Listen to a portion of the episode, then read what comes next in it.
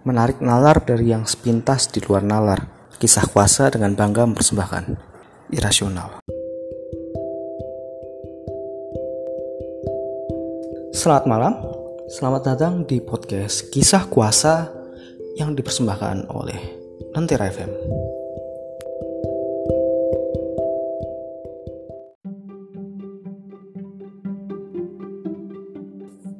Halo, selamat jumpa lagi. Berhubung masih bulan Syawal berarti masih belum terlalu telat. Untuk aku bilang selamat lebaran. Selamat Hari Raya Idul Fitri. For all the thing I didn't do and all the love that hasn't got to you, I'm sorry. Taqabbalallahu minna wa minkum. I still see your shadow in my room. Buat teman-temanku yang sudah belum atau akan wisuda dalam waktu dekat ini, selamat sudah. Semoga kalian dapat segera dapat panggilan kerja dan semoga aku juga menyusul dalam waktu dekat juga. Lalu selanjutnya selamat apa pun itu untuk kamu yang sedang mendengarkan siaran ini. Semoga yang terbaik. Lama nggak ketemu akhirnya membuat bahasan kali ini jadi ternyata tertunda sangat lama. Jadi asalnya aku mau reaktif ketika ada ribut-ribut pelang hujan Mandalika kemarin. Ya tapi mungkin untung ya tertunda.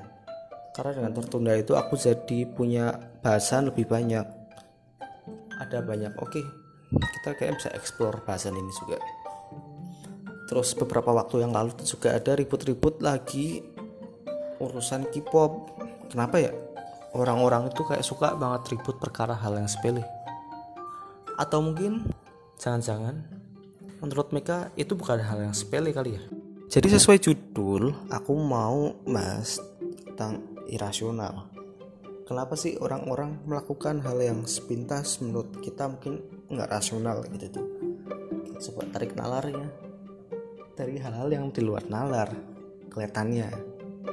Nah, waktu ribut-ribut pawang hujan Mandalika kemarin itu bukan ribut-ribut ya sebenarnya pertama kali itu kan ya di sirkuit tuh kelihatan Om Rara baru melakukan aksinya dia me menawangi hujan bahwa dia melakukan apa itu ritual gitu kan. Akhirnya viral viral. Terus kan macam-macam tanggapan masyarakat. Ada yang dibikin video TikTok tuh yang pakai lagunya apa? Yang rinai hujan basahi aku. Ya gitu itu kan. Nah dari pro kontra itu sebenarnya ya orang bebas di pandangan. Terus yang menurutku aku agak ganjel bukan bukan agak aku ganjel banget. Aku benci banget waktu akhirnya orang yang bahas bilang gini hari gini masih percaya ginian apa negara lain udah bikin robot kita masih gini-gini aja. Kayak bentar negara yang udah bikin robot yang kau maksud tuh negara mana ya? Aku tahu ada negara yang bikin robot keren banget. Dia nggak cuman robotnya nggak realistis nggak kayak manusia cuman dia bisa ngomong dia bisa marah-marah dia suka makan dorayaki namanya Doraemon semua tahu Doraemon. Tapi tahu nggak negara yang memproduksi Doraemon itu masih percaya kayak gituan. Ada orang namanya Sano Manjiro dia ketua geng Tokyo Revenger. Dia waktu mau bikin gengnya dia patungan tuh sama teman-temannya. Mereka patungan beli Lucky Charm di kuil itu padahal Mikey itu orang paling kuat. Dia berantem dia tenangannya nuklirnya dia tuh wah kamu kesepak tuh kalah kamu. Itu dia masih percaya gituan terus ada lagi detektif SMA terkenal banget namanya Heiji Hattori. Dia ini ya 11-12 lah sama ada detektif SMA lain dari negara yang sama yang namanya Shinichi Kudo. Ya poinnya orang sepinter dia dengan IQ yang tinggi gitu dia bisa mecahkan masalah yang banyak agen polisi nggak bisa. Itu ketika dia mengalami kendala dia mau confess ke gebetannya itu ternyata banyak kendala. Apa yang dilakukan? Dia pergi ke kuil dia antri dia antri beli love charm. Jadi sama aja. Aku makanya menurutku kepercayaan itu nggak menghalangi kemampuan buat menciptakan robot. Jangan di atak utak atik gitu kalau kamu nggak bisa bikin robot ya udah. Tapi nggak ada urusannya sama kamu percaya hal-hal kayak gituan. Tuh. Terus kok misalnya orang yang bilang itu apa pawang hujan tuh musik segala macam oke okay lah itu kepercayaan. Tapi kok kamu ngetawain pawang hujan kalau menurutmu nggak rasional? Sebenarnya belah lautan pakai tongkat itu juga nggak rasional bro. Nggak masuk akal ada tongkat yang bisa ini apa tongkat yang bisa berubah jadi ular? Waktu apa namanya ketemu sama raja yang zolim itu juga nggak masuk akal. Tahu orang yang masih percaya bahwa zina itu bisa mendatangkan apa zina bisa mendatangkan bencana itu juga sama nggak masuk akalnya. Jadi nggak usah teriak-teriak eh kamu kepercayaanmu aneh nggak masuk akal. Ya ya bro ngaca ngaca. Kita sama-sama nggak ini. Tapi makanya kepercayaan itu kan dihayati buat kamu sendiri. Nggak usah maksa orang lain buat percaya dengan kepercayaanmu karena kepercayaan itu nggak rasional. Itu loh. Ngomongin kepercayaan mau nggak mau harus kita tarik ke belakang. Jauh sebelum hari ini. Ke masa di mana cikal bakal kepercayaan itu muncul. Karena dari situ nanti kita bisa lihat oh gimana sih kepercayaan itu nanti ada. Dan kenapa dia tetap eksis sampai hari ini mempengaruhi orang jadi bahan berantem jadi bahan ribut-ribut bisa jadi bahan perang sekalipun. Ya. Kalau merujuk ke Harari itu katanya gimana sih manusia itu muncul sebagai makhluk yang istimewa? Itu karena kita mengalami apa yang disebut sebagai revolusi kognitif sekitar 70.000 tahun yang lalu.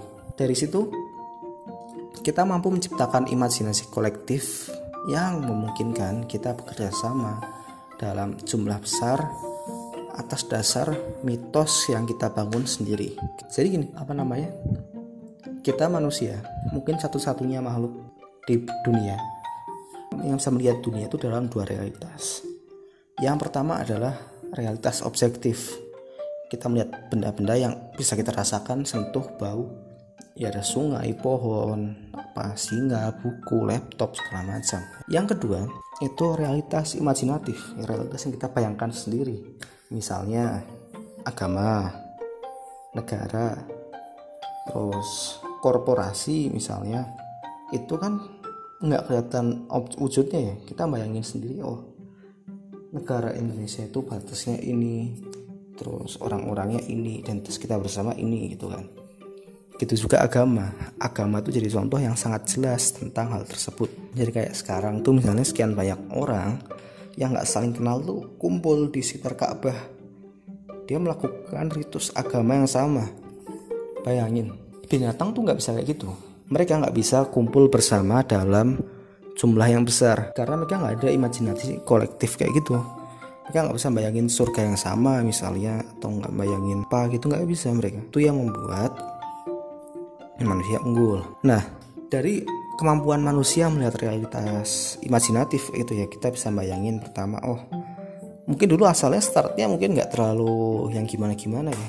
Orang usah ngarang bayangin di balik hutan sana ada sungai-sungai yang isinya susu atau setelah hutan ini ada hutan setelah sungai nanti ada pohon yang buahnya itu sangat enak. Gue bayangkan dari situ nanti lama-lama berkembang lagi imajinasi itu berkembang berkembang berkembang. Sampai suatu waktu mungkin ada yang mencetuskan gimana kenapa ya? Siapa ya aku? Dari mana datangnya dunia? Oh enggak itu dunia Sofi tapi mungkin ada yang kayak itu juga. Jadi mereka berpikir oh iya ya kenapa ya kita tuh bisa ada? Kenapa kita diciptakan di dunia ini? Terus apa tujuannya? Siapa yang menciptakan? Dan lain-lain. Itu jadi cikal bakal munculnya kepercayaan munculnya agama karena di hampir semua suku itu mereka punya mitologi yang masing-masing yang ya percaya akan adanya entitas lain yang lebih hebat dibanding manusia sekarang pertanyaan besarnya adalah kenapa agama itu bisa tetap bertahan dia bisa berkembang dan masih mengaruhi manusia hingga sekarang. Ya sesuai istilahnya agama. Agama itu menjauhkan kita dari kekacauan. Kenapa bisa kayak gitu? Ya itu hebatnya imajinasi kolektif manusia. Dan kita percaya agama, makanya kita membentuk ada nilai, perilaku, norma di masyarakat yang harus dipatuhi. Ya kan? Dengan itu, akhirnya orang tuh jadi nggak sembrono dalam berperilaku. Kayak misalnya, aku transaksi kaos sama kamu, ya kan? dari kalau misalnya kita sama-sama nggak beragama atau uh, kita nggak takut gitu. Kita bakal berusaha saling mencurangi satu sama lain. Kayak gimana cara aku dapat untung dari menipu kamu customer gitu misalnya. Dan kamu customer gimana cara menipu seorang pedagang biar dapat untung yang besar? Kalau nggak ada agama basicnya susah. Susah trust itu dibangun satu sama lain. Sebenarnya ketika kamu beragama yang sama dengan lawan transaksimu atau minimal kamu tahu lah oh dia tuh beragama dengan taat maka kamu akan yakin dan percaya bahwa oh dia nggak mungkin curang. Karena dia takut dalam lubuk hatinya dia takut kalau dia berbuat curang. Selain apa nggak bakal ada transaksi berikutnya. Dia juga bakal dihukum suatu saat nanti di pengadilan akhirat ya kan?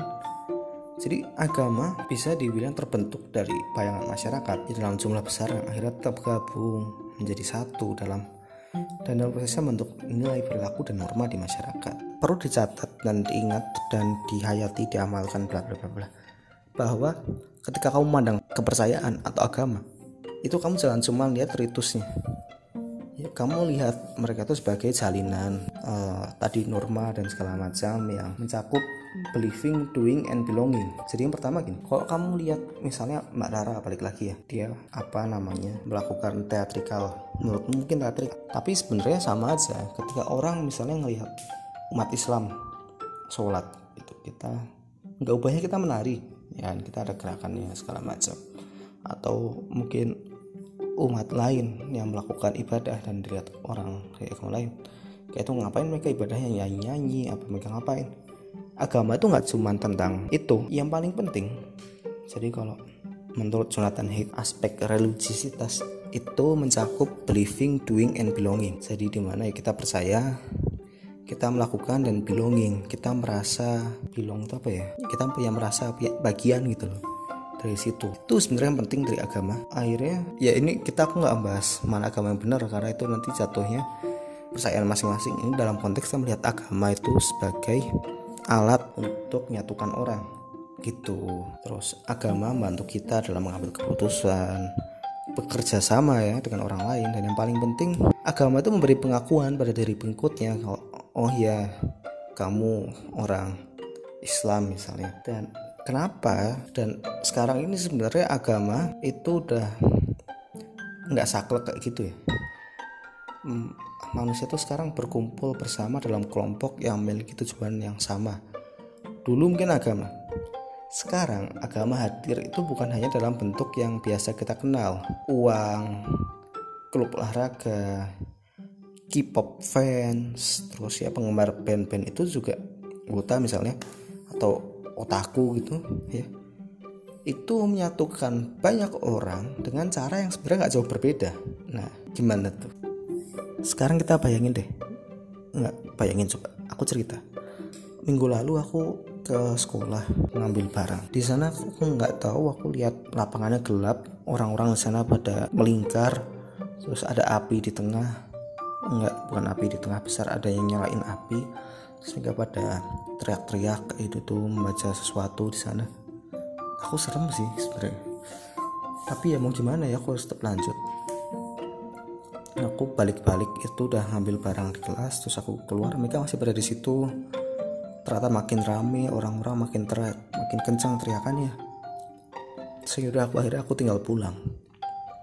Itu orang pertama dengar atau bikin ini ya kalau misalnya nggak ada konteks itu bakal bayangin oh aku ke sekolah saya aku melihat orang-orang sedang melakukan ritual ritual apa ya ritual macam-macam aneh-aneh nggak tahu nyembah apa mereka sebenarnya tapi bisa diganti ceritanya dengan aku bilang eh aku kemarin ke sekolah. Di sana ternyata baru ada supporteran orang pada datang situ nyanyi-nyanyi ada yang nyalain flare pada ya, ya itulah kan reaksi yang ditangkap bakal jauh berbeda. Padahal yang dilakukan sebenarnya nggak jauh beda ya kan? Ya sama-sama orang situ ini deskripsinya deskripsinya pun juga sebenarnya nggak salah dan benar. Makanya dari perspektif luar orang luar kepercayaan kita tuh aneh ya. Orang ngapain sih pada muterin kotak gitu? Misalnya orang yang komentar tentang ritual agama Islam. Sebenarnya buat aku yang orang muslim ya percaya kok kita ke situ itu menunjukkan ibadah kita menunaikan kewajiban kita sebagai muslim. Misalnya dilakukan di waktu haji. Cuman kan orang luar ya ya nggak perlu peduli juga sebenarnya. Gitu juga ya makanya tadi kamu jangan ngecek-ngecek kerjaan lain. Tapi yang jadi pertanyaan adalah kenapa mereka sekarang bisa bikin orang berantem? Ya kan? Nah sekali lagi aku tekanin ya bahwa agama kepercayaan terus fandom K-pop terus atau anime Marvel DC segala macam ini tuh itu kan identitas. Kenapa akhirnya orang saling berantem? Di dunia nyata di sosial media di Twitter Facebook Instagram TikTok segala macam itu berantem karena identitas. Dan ya akhirnya muncul politik identitas di situ ya politik identitas berangkat karena kebutuhan manusia atas pengakuan. Ketika mereka tuh merasa nggak mendapat pengakuan yang cukup nah muncul di situ nanti berpolitik. Nah politik identitas nanti bisa berupa aksi individu yang meminta pengakuan atas martabatnya atau politik identitas juga bisa hadir sebagai upaya dari kelompok yang merasa terabaikan termarginalkan dipinggirkan oleh masyarakat. Itu agar mereka bisa dipandang setara. Nah, contoh ya.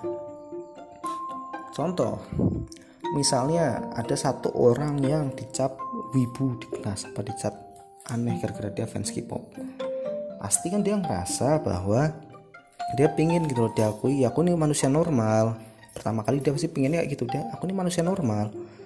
Aku emang suka K-pop tapi ya salahnya apa di situ? Gitu kan. Walaupun nggak ada walaupun deh ntar ntar ntar manusia normal. Tuh atau kadang nanti contohnya ada kalau kemarin aku ceritain temanku yang apa dia fans K-pop itu kan kadang mereka war fandom. Itu salah satu alasannya misal dia ngerasa uh, idolnya dia atau apa bias or whatever biasanya dia itu di grupnya itu kayak kurang dapat porsi dia nggak diperlakukan semena-mena. Itu ntar mereka bisa berantem di Twitter ya balik lagi karena pengen merasa butuh diakui gitu loh. Padahal itu kan bukan siapa sama mereka ya. Cuman ya gitulah.